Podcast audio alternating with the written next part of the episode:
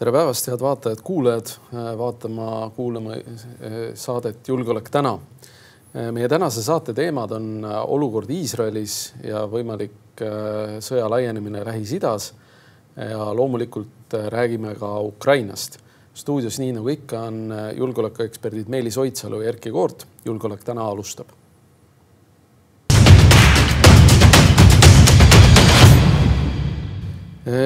nii, kõigepealt ajaloost, väike ajaloo ülevaade, mis on juhtunud siis lähipäevadel Eesti ajaloos. kümnendal oktoobril tuhat seitsesada kaks, tuhat seitsesada kümme alistusid Rootsi garnison, Tallinna linna ja Eestimaa rüütelkonna esindajad Harku mõisas venelastele. Ja sellega lõppes Põhjasõda Eesti alal samamoodi kümnendal oktoobril tuhat üheksasada üheksateist algas Nikolai Judentši eh, juhitaval loodearmee rünnak Petrogradile. Eh, kümnendal oktoobril tuhat üheksasada kuuskümmend üheksa arreteerisid KGB töötajad eh, kirjanik Teet Kallase. tema elukohas toimus läbiotsimine. ma pean tunnistama, et ma pärast olin üllatunud, et Teet Kallas tegi veel täitsa normaalset karjääri Eesti NSV-s.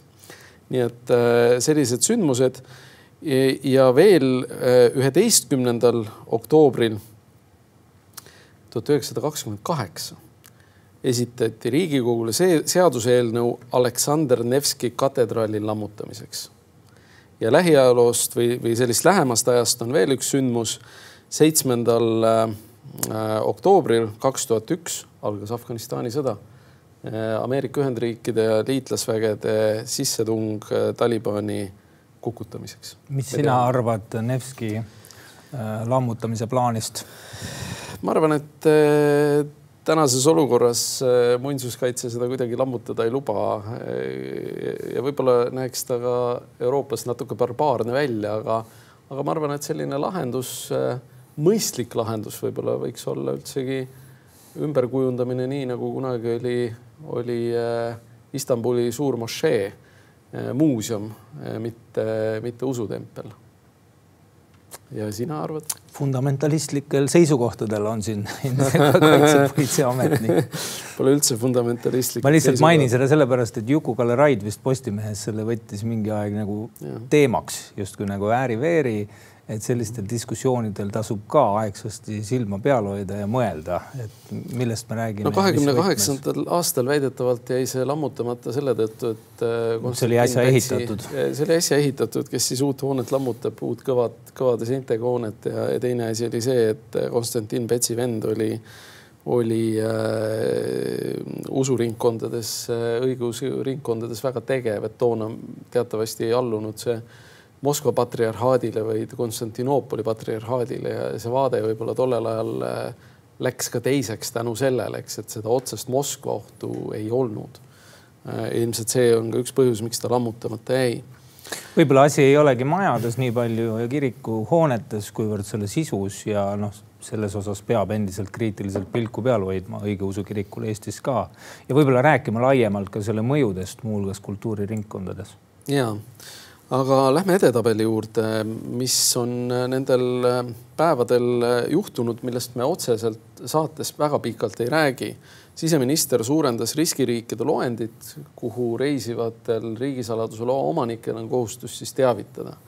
et meenutan, et väga pikka aega kehtis teavitamiskohustus Venemaale, Valgevenesse ja Põhja-Koreasse reisimisel ja, ja Hiina ja ja Iraan toona jäid välja, kuna välispoliitiline olukord oli, oli selline, et kohe-kohe suhted normaliseeruvad. Äh, noh, tänaseks me teame, mis äh, on juhtunud ja nüüd on ka need riigid lisatud sinna loetelusse, äh, Hiinast siis kaasa arvatud Hongkong. samamoodi on lisatud sinna kogu Kesk-Aasia siis riigid, mis olid Nõukogude Liidu poolt okupeeritud ja ka Taga-Kaukaasia riigid hästi huvitav on see, et jätkuvalt võib reisida Krimmi. riigisaladuse loo omanik ei tohi minna Krasnodari kraisse, aga võib minna Krimmi, ilma et ta kedagi teavitaks, sest Krimm on Ukraina ja Ukrainasse reisimisest teavitama ei pea. huvitav, äh, natukene anna tausta ka endise kapokana, et miks selliseid teavitusi vaja on ja mis selle peale üldse tehakse julgeolekuasutuses? No selliseid teavitusi on vaja sellepärast, et, et kui inimene on riigisaladuse loa omanik, siis riiki minnes, kus kohalik eriteenistus võib olla agressiivne või panna siis toime selliseid lähenemiskatseid, püüda värvata, siis riik aegsasti teaks, et, et inimene sinna läheb ja saab ka hoiatada, et, et noh, et ega, ega see reisi teavitamine ei tähenda reisikeeldu. noh, täna on muidugi Venemaale reisimine noh, ei ole väga mõistlik üldse. aga näiteks ka Armeeniasse reisimisel nüüd selle uue korra järgi on kaitsepolitseil võimalik öelda, et, et kuule, kui sa sinna lähed, siis palun arvesta, et ka sinu suhtes või võidakse eh, näiteks ligi astuda, sest meenutan, et Armeenia on jätkuvalt eh, kollektiivse julgeolekulepingu organisatsiooni liige, mis on NATO-le vastukaaluks loetud sõjaline allianss. tõsi, mis on noh, oluliselt suuremas ajusurmas, kui NATO kunagi on olnud. Äh, järgmine torm Eestis. Äh, jälle oli Eestis torm, mingid piirkonnad olid ilma elektrita, kuni viiskümmend tuhat majapidamist, üllatavalt palju oli Harjumaal neid.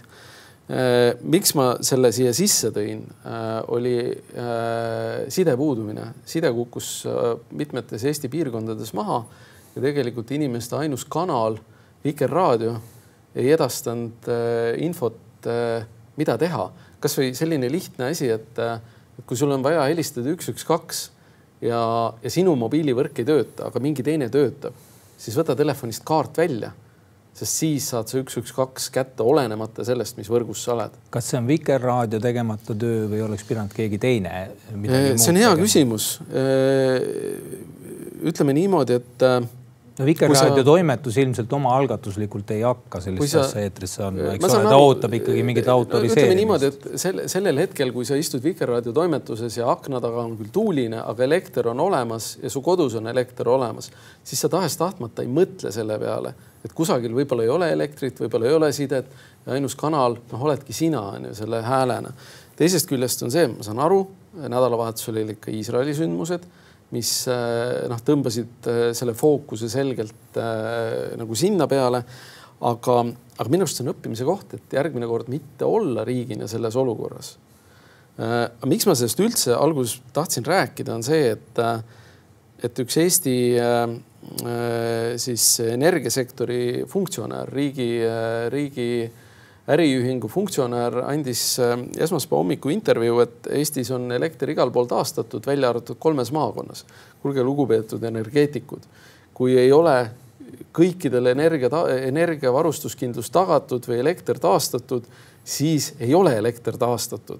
ei saa olla niimoodi, et äh, äh, Päästeameti peadirektor või siseminister ütleb, et Eestis metsad ei põle, välja arvatud kolmes maakonnas kus me ei ole neid kontrolli alla saanud. see, see on nagu ennekuulmatu. siin on riik ka omamoodi reageerinud ja ma ei tea, kas see oli varem planeeritud, aga konkurentsiamet vist on alustanud järelevalvemenetlust ka Elektrilevi suhtes, et vaadata, kas reaalselt on siis tehtud mingisuguseid kestlikkuse investeeringuid. oli ka aeg. Äh, kärped, mis on taas äh, läbi jooksnud, üks on äh, välisministeeriumi suunalt, mis on hästi palju tähelepanu saanud. konsulaat, noh, ütleme see muud asjad on nagu vähem silma paistnud, aga New Yorgi peakonsulaat on noh, võib tunduda mingisugune tehno, aga, aga Nõukogude Liit äh, ei suutnud viiekümne okupatsiooni aasta jooksul, mil ta, mil ta Eesti alal laiutas, ei suutnud New Yorgi Eesti peakonsulaati sulgeda. Nüüd me teeme seda ise noh, see konsulaat, pea, New Yorgi peakonsulaat oli võib-olla ka tähtis sellepärast, et, et Eesti oli okupeeritud, eks ole, et mingi sümbolväärtus seal kindlasti on. kärbetega riigisektoris sageli on nii, et kärbete hulka satuvad ka mingid sümbolväärtusega objektid, siis tõuseb suur pahameel, et ärge ikka kärpige. selle pahameele varjus on hea siis suuremeelselt öelda, et okei okay,, me ei kärbi nii palju noh, samal ajal äh, välisminister teatas, et nelikümmend viis ametikohta koondatakse. ainuüksi eelmine aasta kasvas välisministeeriumi koosseis vist kolmekümne seitsme ametikoha võrra, nii et noh, see tagasikärpimine on eelmise aasta kasvu sisuliselt piiresse jäämine, pooled neist on kaetud reaalsete inimestega, rahaliselt personali eelarve, ta küll ei kasva järgmine aasta välisminister või välisministeerium rõhutab seda, aga ta otseselt ka ei vähene, nii et noh, et Postimees vist kirjutab sellest lähemalt siin ka lähipäevadel, et kuidas see kärperetoorika et kuidas selles siis avalduvad erinevad avaliku teenistuse erinevad nii-öelda kommunikatsioonivõtted ka. ja, ja noh, nagu me kuulsime, et ükski saadik ise süüa ei pea hakkama tegema, et äh, kokad jäävad alles või see teenus jääb alles. noh, sellega me oleme harjunud, et diplomaadid sageli ühispöördumisi ja avalikke pöördumisi äh, eks ole, sõnastavad siis, kui on kommunaalprobleemid. et siin ma mäletan Rainer Saks, kui ta oli kantsler ja üritas teha siis mingeid reforme, mis natuke hüvesid ja palku puudutas ja ja pidi ka noh, mingisuguse vastuseisu tõttu osaliselt vähemalt ka lahkuma ametist, et või, või siis ei, ei jäänud edasi ametisse, et eks see ole selline valuline töö suur kunst seletada ära nii rahvale kui ka oma töötajatele siis, et milleks üldse kärpida, eks ole, et kui see jääb sõnastamata, siis need kärped saavad olema ka valulised, natuke seda see on praegu. ja tõsi ta on, aga äh, noh, ütleme niimoodi, et vabariigi aastapäeva vastuvõttu ja New Yorgi peakonsulaati ja võib-olla veel mõndasid sümbolväärtuseid, noh, president võiks ka kolida Küprok majja, mida on palju odavam pidada ja ei ole ka mingit jama selle perimeetri kaitsega, aga noh, ometigi me hoiame presidendi kantseleid Kadriorus. no me oleme nüüd sai, kui siin rääkida hiljutistest sündmustest, et siis kärpeteema tuli sisse ka pärast seda, kui Kersti Kaljulaid võttis sõna Kaja Kallase suunal kriitiliselt tuli järsku peaministril ja, ja lähikonnal ka mõte, siin Jaanus Rahumägi on Twitteris muuhulgas osutanud meie tähelepanu, suur tänu Jaanus Rahumäele. Väga austan tema sellist võitlevat loomust ja selle, ütleme, Kaja Kallase idavedude skandaali ajal on ta ka olnud selline noh, Twitteri turvamees Kallasele, teeb seda väga hoogsalt, kohati tänavakeelt kasutades ka siis Kaljulaidi suhtes, kelle suunas oli vaja alustada siis väikest sellist meediakampaaniat. ja mm, Rahumägi küsib oma hiljutises tweetis äh, Erkki Koortilt ja, ja, ja minult, et mida arvata siis Kersti Kaljulaidi poolemiljonilise aastase turvameeskonna kulu kohta, et julgestuspolitsei kulu turvamisel võin natukene tausta jagada, ma usun, Rahumägi tegelikult teab seda ka, kuidas see süsteem käib, julgestuspolitsei tavaliselt vaatab üle presidentide päevakavad. Äh, kui siin võrreldi Toomas Hendrik Ilvese ja Arnold Rüütliga ja küsiti, et miks nende eelarved pole nii suured, turvaeelarved siis küsimus on selles, et noh, Ilves Eestis kogu aeg ei ole ja tema päevakava ei ole ka väga tihe siin. väga nagu ei kohtu ja ei käi võrreldes Kaljulaidiga, Rüütliga umbes samamoodi, et see julgestuspolitsei vaatabki äh, ekspresidendi kalendrisse ja siis teeb oma riskihinnangud ja ütleb, millist nii-öelda turvalahendust on kõige optimaalsem pidada. Kaljulaid erinevalt Kallasest äh, on käinud ka Narvas Äh, raskel ajal, eks ole, elanikega rääkimas. ta on aktiivne, võib-olla see on kaudne kriitika, valitsuse kaudne kriitika ja Reformierakonna kaudne kriitika sellele, et ta on nii aktiivne, et ekspresident võiks äkki natukene rahulikumalt võtta.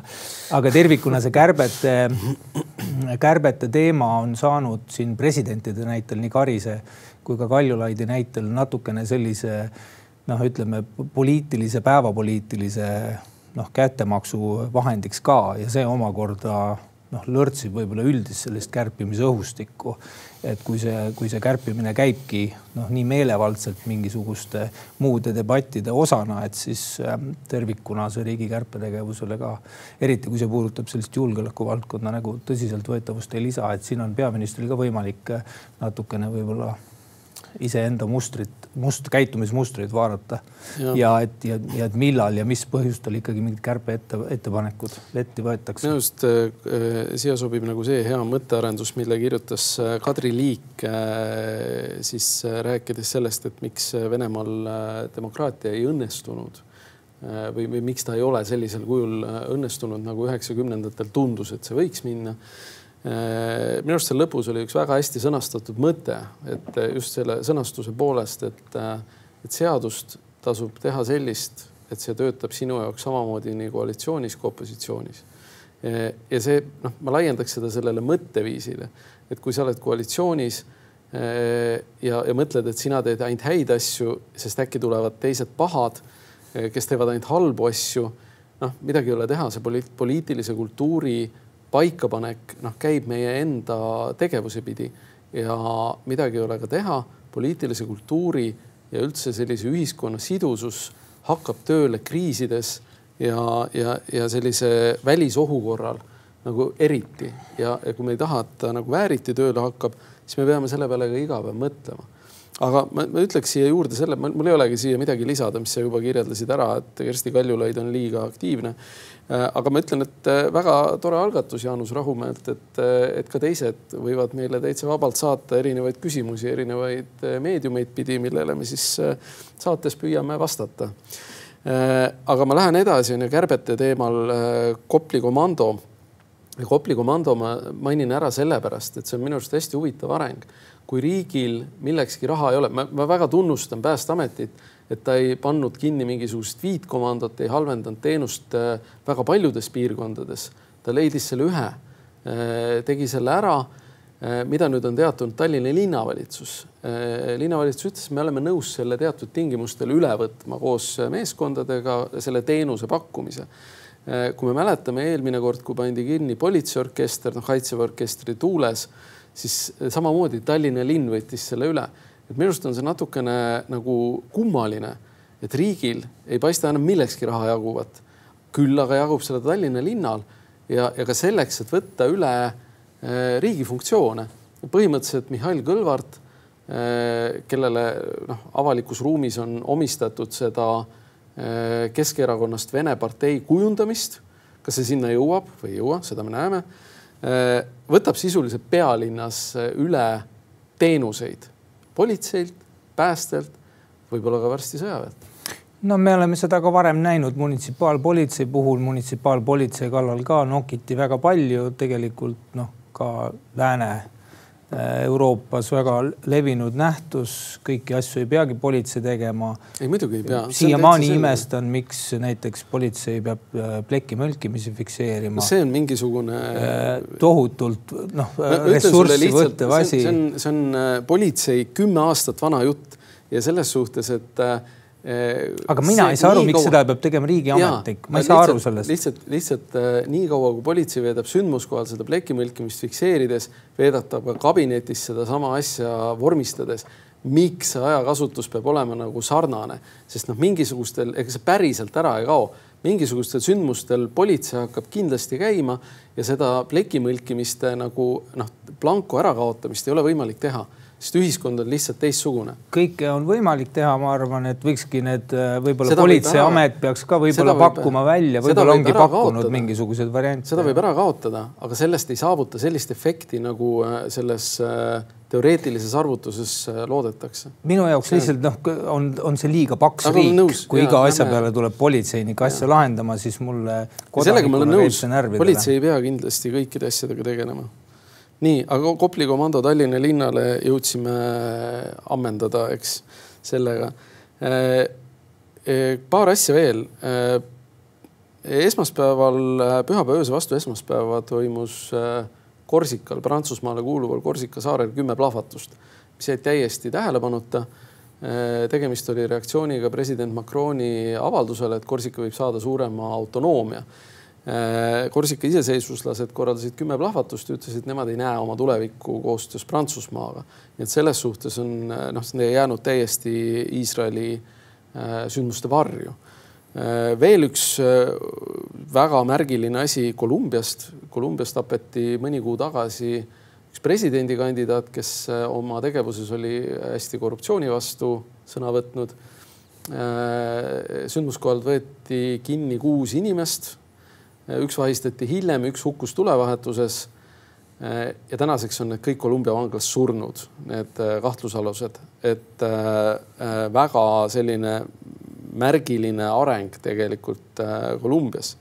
ja üks asi veel, Riigikantseleis on küpsemas eelnõu, et vähendada kriisi korral töötajate palku kui vaadata, mis toimub Ukrainas näiteks, siis nemad on sõjatsoonis palku suurendanud.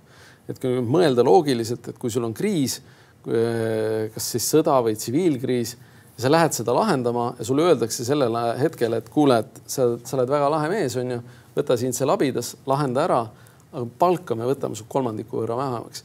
et, et noh, mina ei saa aru, mis, mis nagu, nagu sellel hetkel tuleb võtta laenu ja maksta, maksta kolmekordset palka nendele inimestele, et nad äh, selle asja ära lahendavad, mitte udutada sellega, et, äh, et me vähendame sellel ajal palku.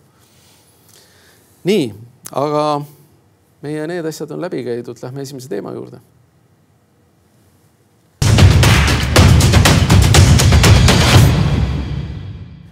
meie esimene teema on Iisrael. Iisraelis siis äh, toimus seitsmenda oktoobri hommikul äh, täiesti pretsedenditu sündmus. Hamas äh, Gaza sektorist ründas Iisraeli, võttis üle politseijaoskondi, võttis üle sõjaväebaase, tappis sõjaväebaasi juhi tappis väga palju tsiviilisikuid, äh, võttis osad pantvangi. ja see tuli kõigile üllatusena. Äh, tuleb tunnistada, ka mulle. sest mina poleks uskunud, et Iisrael magab selle maha.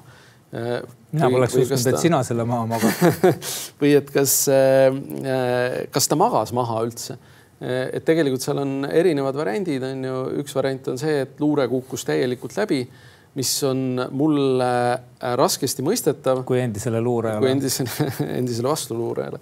Äh, luureteenistus Mossad, äh, vastuluureteenistus Shin Bet, sõjaväeluure Aman. see, see Gaza sektor on läbi imbunud Iisraeli agentidest ja tõenäosus, et keegi ei märganud mitte midagi inimallikatest, on olematu teine asi on see, et kui inimallikatest seda ei märgatud, siis elektronluure oleks pidanud ometi midagi ära tabama. Äh, ka seda ei juhtunud.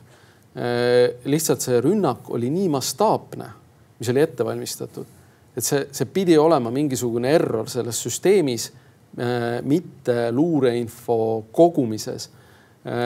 kui see koguti ja seda ei osatud tõlgendada või sünteesida, siis on see luurekogukonna probleem Äh, samamoodi on see küsimus, et äh, kui see koguti ja see esitati poliitilisele tasandile, aga ei osatud poliitilisele tasandile ära tõlkida selle ohu suurust või siis ohtu alahinnati, ka see on võimalus, et peetakse selliseks tavapäraseks nihelemiseks, üks-kaks enesetaputerroristi äh, või kolmas või nel, neljas siis juba neljas variant. see tõlgiti ära, esitati poliitilisele juhtkonnale ja, ja seda peeti siis poliitilisel juhtkonnal noh, mitte eksistentsiaalseks ohuks. kindlasti ei, ei saa öelda seda, et ohtu, ütleme nii, et kui, kui Netanyahu peaministrina oleks teadnud, et tänaseks on tapetud tuhat Iisraeli kodanikku, siis ta kindlasti ei oleks seda eksistentsiaalset ohtu ignoreerinud. aga kui me meenutame ju kaks tuhat neliteist tuli kõigile üllatusena, et Eesti piir on võsas eh, ja sealt rööviti ära üks kaitsepolitseinik, siis eh, noh, kõik olid kuu pealt kukkunud, aga me ju riigina teadsime, et meil ei ole seal piiri ja olime otsustanud, et me seda välja ei ehita. Eh, kui see juhtus, ma otsisin välja siis dokumendihaldussüsteemist umbes sihukese paki kirjavahetust mis käsitles seda, et kas me ehitame piiri välja või mitte. ehk et, ehk et neid sündmusi või neid kihte on seal palju. ja noh, kõigepealt tuleb öelda märkuseks, et praegu on veel endiselt sõjaudu palju üleval. tavaliselt on nii, kui me mäletame Ukraina sõja algust, siis noh, kolm-neli päeva ikkagi ka Eesti otsustajad ütlesid, et sõjaudu on, isegi informeeritud ruumides sellistes olukordades läheb nädal aega, enne kui see sõja, sõjaudu langeks ja oleks näha siis kogu see asi nii ulatus mm, kui ka selle ulatuse kaudu siis ilmnev nagu taotlus, sest need on omavahel nagu seotud tegevused ja taotlused, neid loetakse justkui maha tegevuste käigus, eriti selliste üllatusrünnakute puhul.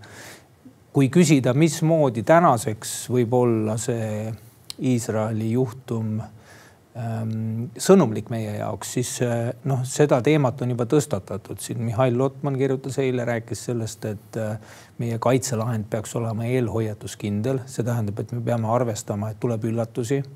et kuigi äh, eelhoiatus on hästi oluline, sest ajafaktor on hästi oluline, eelhoiatus peab meile andma valmistumise aega ja valmistumise signaale, siis meie kaitselahend peaks sellises mõttes olema ikkagi eelhoiatuskindel, et me ikkagi noh, paljudel juhtudel nagu Iisraeli juhtum ka näitab kas loeme infot valesti või siis see info on juba ette vastase poolt nii ära sogatud ja segatud.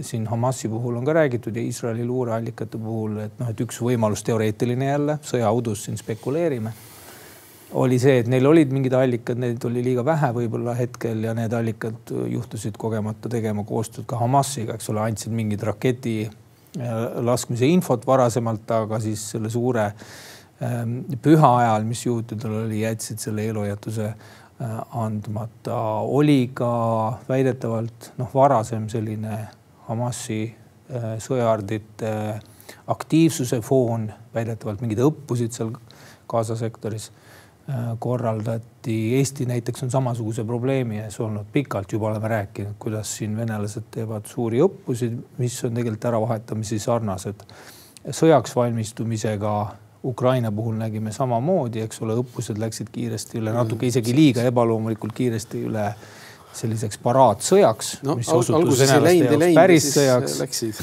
ja et sellist hägustamist tuleb ette ja me peame aru saama, et äh, ka siis, kui see juhtub, siis on mõttetu äh, nagu keskenduda sellele läbikukkumisele, et me peame olema valmis, ehk siis meie plaan A peab alati olema see, et ükskõik, kas üllatus või mitte meie süsteem läheb käima, me ei hakka arutama, kohe äh, keerame süsteemi käima ja lähme anname vastu, see on plaan A.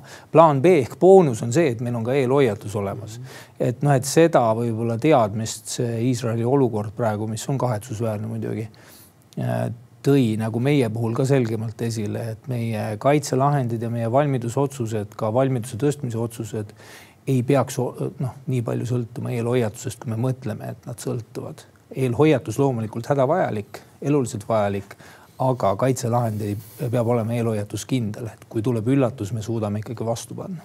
ma olen sinuga täiesti nõus. Äh, üks, üks asi, mis siin silma torkab, on see, et, et Hamas suutis üle võtta jah, nii politseijaoskondi kui sõjaväeosasid ja tegelikult äh, noh, oleks eeldanud, et seal äh, toimub mingisugune tegevus.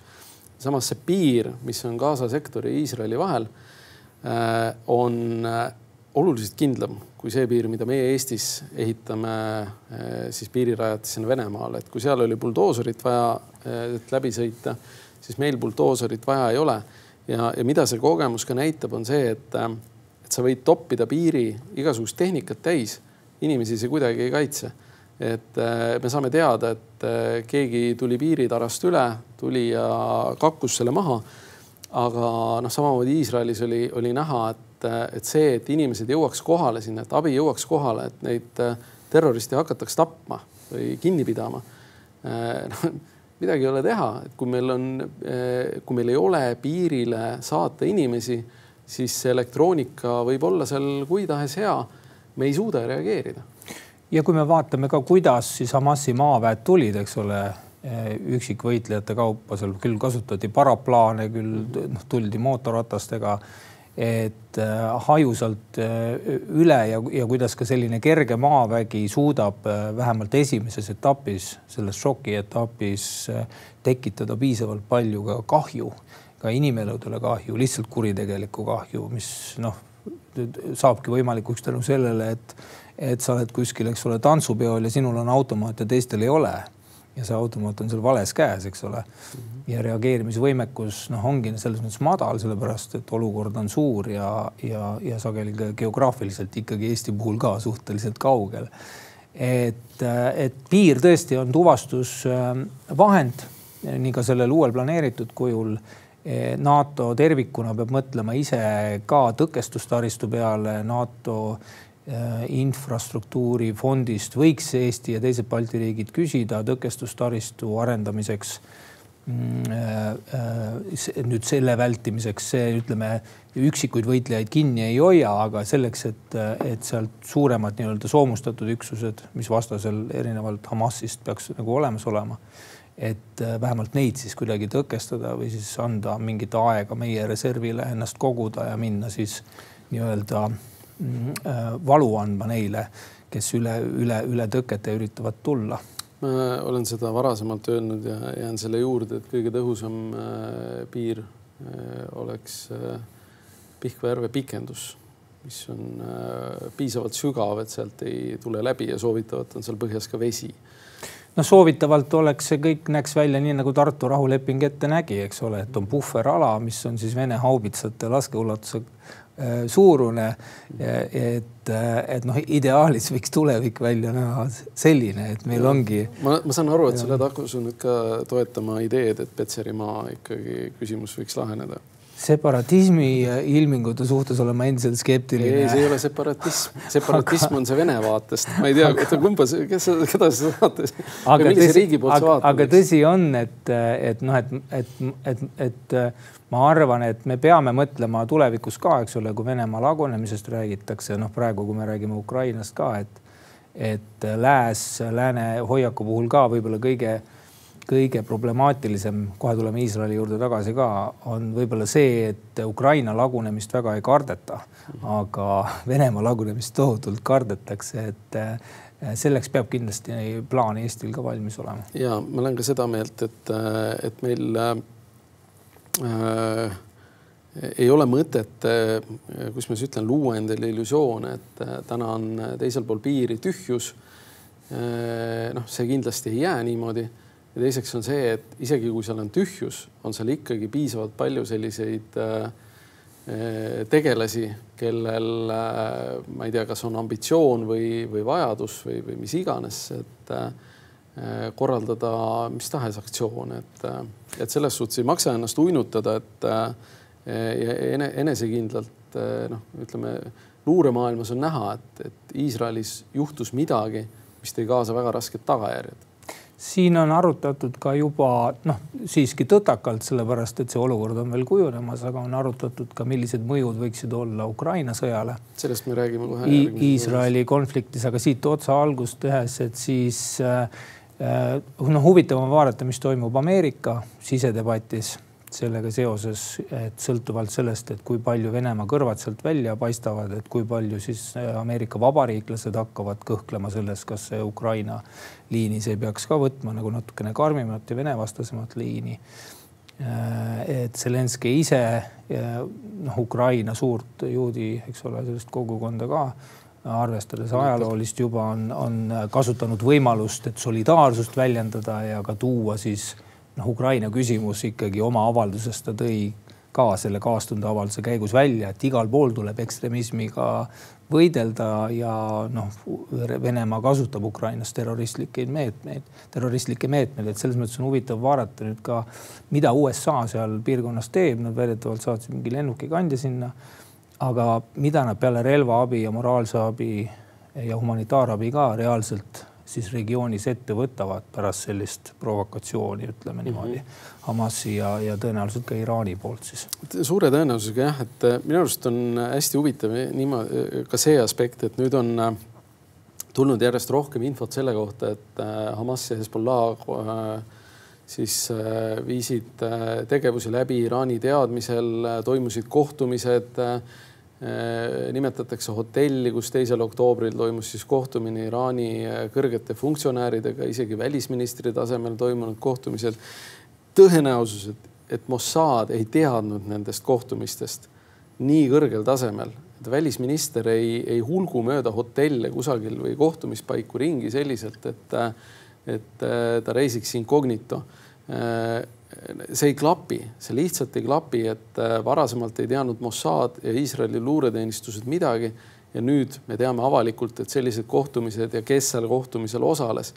Äh, see noh, muidugi on alati võimalus, et seda lekitatakse täiesti tahtlikult, eks, või eksitavalt aga, aga noh, fakt on see, et, et selles, selles pildis ei lähe pusletükid ei lähe omavahel kokku, üks on kolmnurk, teine on niisugune äh, nelinurk noh, eks need asjaolud selgu, selguvadki taga, tagantjärele ja ilmselt ka äh, Iisraeli sees, kus ka noh, valitsus on saanud kriitikat, et et noh, kui võtta mingi teoreetiline variant, et see valitsus võis sellest teada, eks ole, aga ei teinud midagi, noh, siis on kaks võimalust, kas nad alahindasid seda, mis sealt tuleb või siis, ähm, või siis nad ongi nii nurjatud, et selle peab Iisraeli rahvas ise välja selgitama ja ise otsustama, mis see seal oli. laiemas plaanis ikkagi on küsimus nüüd selles, et mida teeb ikkagi, kuidas hakatakse nägema ja kuidas teised mängijad hakkavad nägema siis USA-d pärast seda, mis seal toimub. et ütleme, viimase paarikümne aasta jooksul USA sõjalised valikud ja ütleme, suutlikkus sõjalist jõudu, mis neil on maailmas kõige suurem, kasutada eesmärgipäraselt mingite poliitiliste püsivate mõjude saavutamiseks on olnud piisavalt tagasihoidlik ja noh, Bidenil on siin üht-teist nagu tõestada ja Ameerika aparatuuril ka sõjadiplomaatilisel sealhulgas Äh, tegemist on ikkagi olulise liitlasega, kes on, ütleme, Ameerika sisepoliitikas ka väga tugevasti esindatud. Võtaks siia Iisraeli juurde veel sellesama Hamasi ja Venemaa seose, millest on ka palju räägitud. Äh, päris palju on räägitud sellest väga enesekindlal toonil.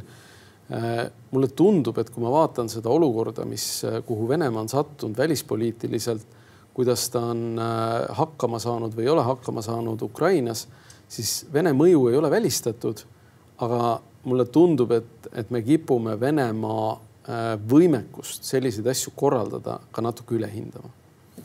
ma arvan, me ei tohiks alahinnata venelaste võimekust, äh, võimekust, kui mitte seal, siis mujal ikkagi. ei, ei, seda ei tohi alahinnata. tekitada ma noh, koha pealt vähemalt tulevad signaalid, et seal Balk, Balkanil, Kosovos, eks ole, läheb tuliseks, seal on NATO äh, väed juba nii-öelda angažeeritud ja operatsioonil et, et noh, neid var-, variante Aafrikas toimub, eks ole, jätkuv segadus, et neid variante, kus saab mõjutada, on iseenesest palju ja noh, mõned liitlased tegutsevad isetähtsi Venemaa huvides, et see seos ei pea alati olema nii nagu vahetu ja põhjuslik. just aga võtame selle teema kokku, et tegelikult on äh, väga palju asju, mida me veel ei tea ja äh, kindlasti lähimad päevad annavad selgitust mõnede asjade osas, kasvõi Iisraeli edasistest plaanidest. Äh, äh, küll aga see, et mis siis tegelikult toimus ja kuidas sellisesse olukorda jõuti, on, ma arvan, väga tugev õppetund ka Eestile tulevikuks, aga vahetame teemat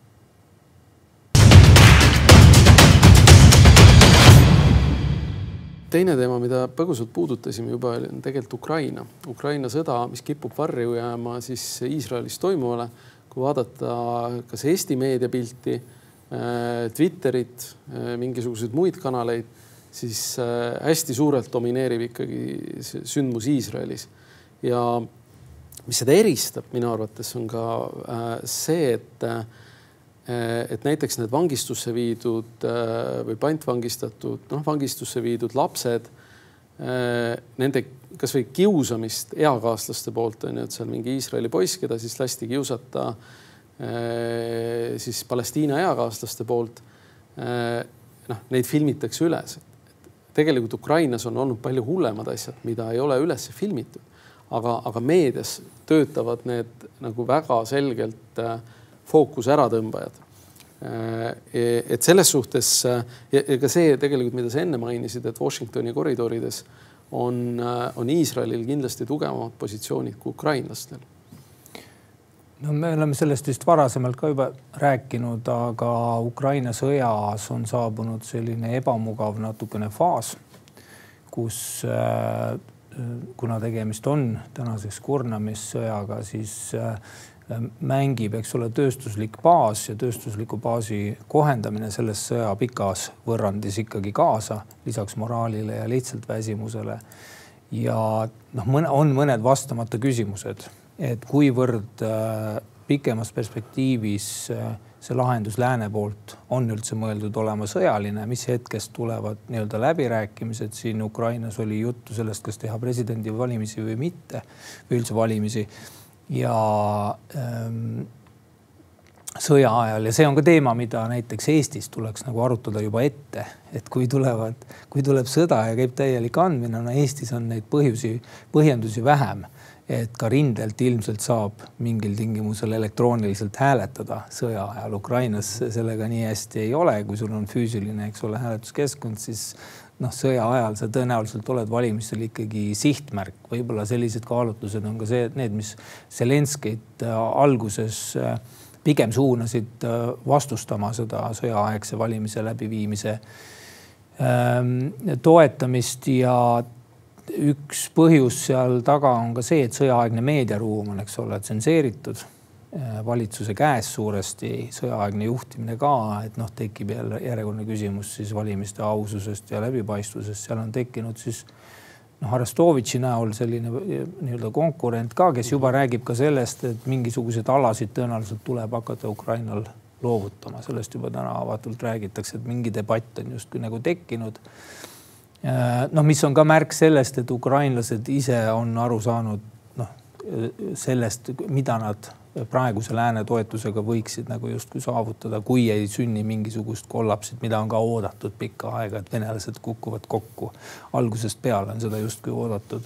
et see tuleb välja, ei ole kõige nagu tugevam plaan, lihtsalt selle ootamine, et loomulikult on väga palju tehtud ja antud, aga sellist äh, varustusväsimust on äh, erinevate riikide sisedebattides ka juba näha, ka Ühendkuningriigis räägita, räägivad sõjaväelased sellest, et enam Ukrainale ei saa midagi anda. ja ka väga neid ladusid noh, nii-öelda küllaga ja varuga täis ei toodeta, et saaks tulevikus ka anda Ukraina väele asju, et, et noh, mõnes mõttes oleme sellises vahefaasis nüüd äh, peab ütlema Eesti valitsuse tunnustuseks kuigi see vist tabas üllatusena ka, ka, osa Riigikogust. et nüüd tu tuuakse ikkagi muude ettepanekute altruistlike sõnumitega pilti see poliitiline lõppvisioon või lahendus. Ukraina jaoks ka.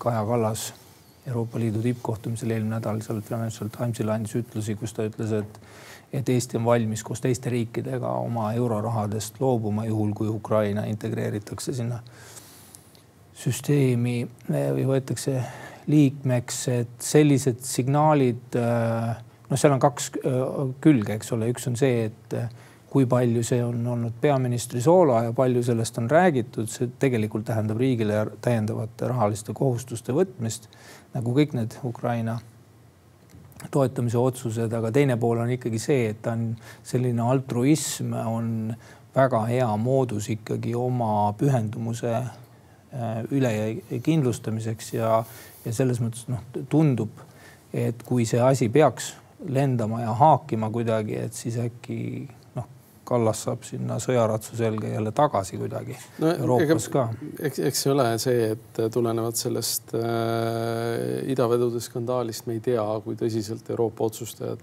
äh, tema ettepanekut siin äh, selles no, kontekstis näevad. Kallas ise on ütelnud, et ta keegi talle kriitikat ei tee ja noh, on ka arusaadav, et ei, no, suhtes... neile on... neil, neil, neil, neile on nende enda, nende mitte kritiseerijate, nende enda Vene sidemed on neile ka väga hästi teada ja riigi.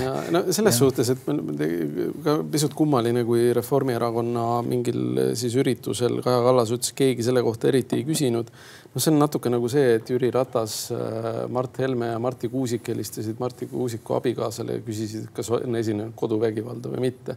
et loomulikult selles olukorras on äh, noh, naeruväärne on äh, see, kui ke keegi midagi sellist eeldab ja minu arust selle nagu kasutamine sellise kaitsekilbina noh, on kergelt ebaintelligentne. aga, aga lähme tagasi Ukraina juurde, et et rinnetel on ju see seis püsib, seal ei ole väga suuri muutusi kahjuks. Äh, venelased on väga sügavale maasse kaevanud.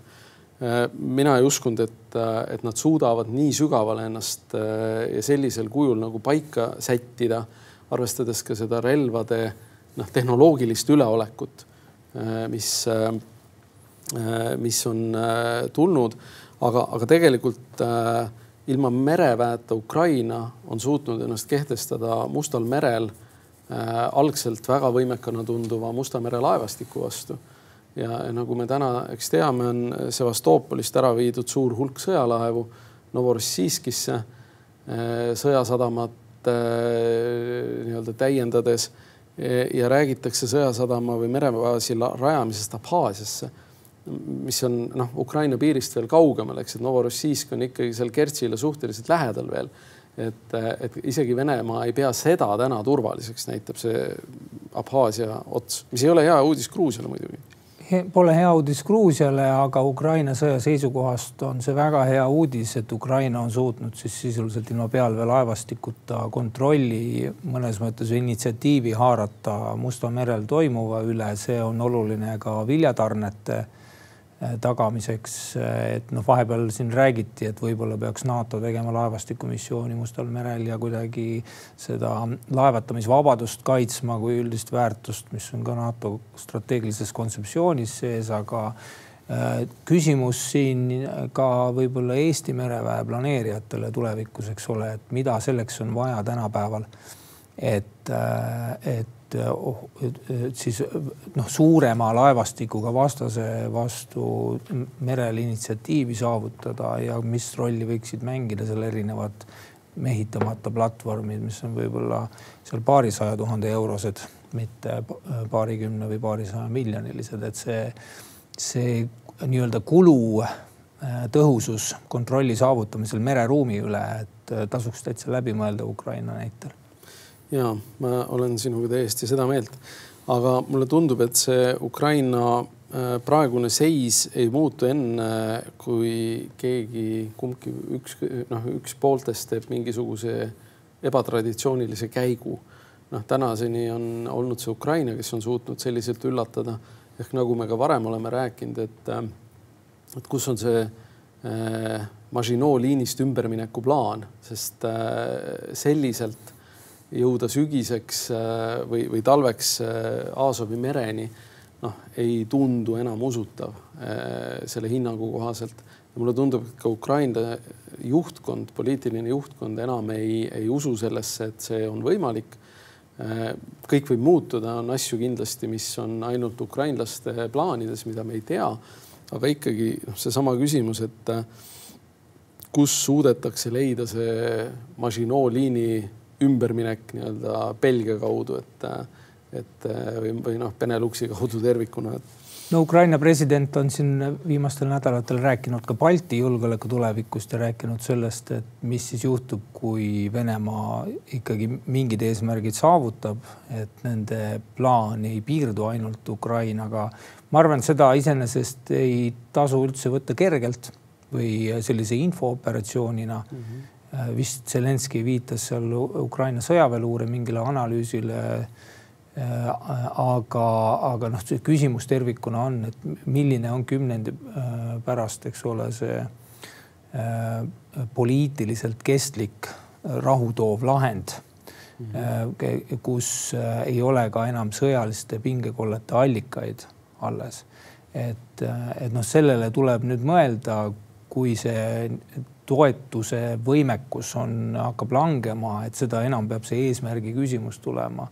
Ja noh, jällegi ütleme, lääne probleem on eesmärgistamine, mis sõltub demokraatlikest tsüklitest. Samamoodi, valimised mitmel pool nii Ühendkuningriigis kui, kui USA-s tulevad, tulemas, et äh, Europarlamendi valimised, et äh, ja valimiste eel kipuvad ikkagi mingid äh, noh, vaikuse hetked või sellised pausid tekkima, mis noh ilmselt on ka venelaste kalendris sees.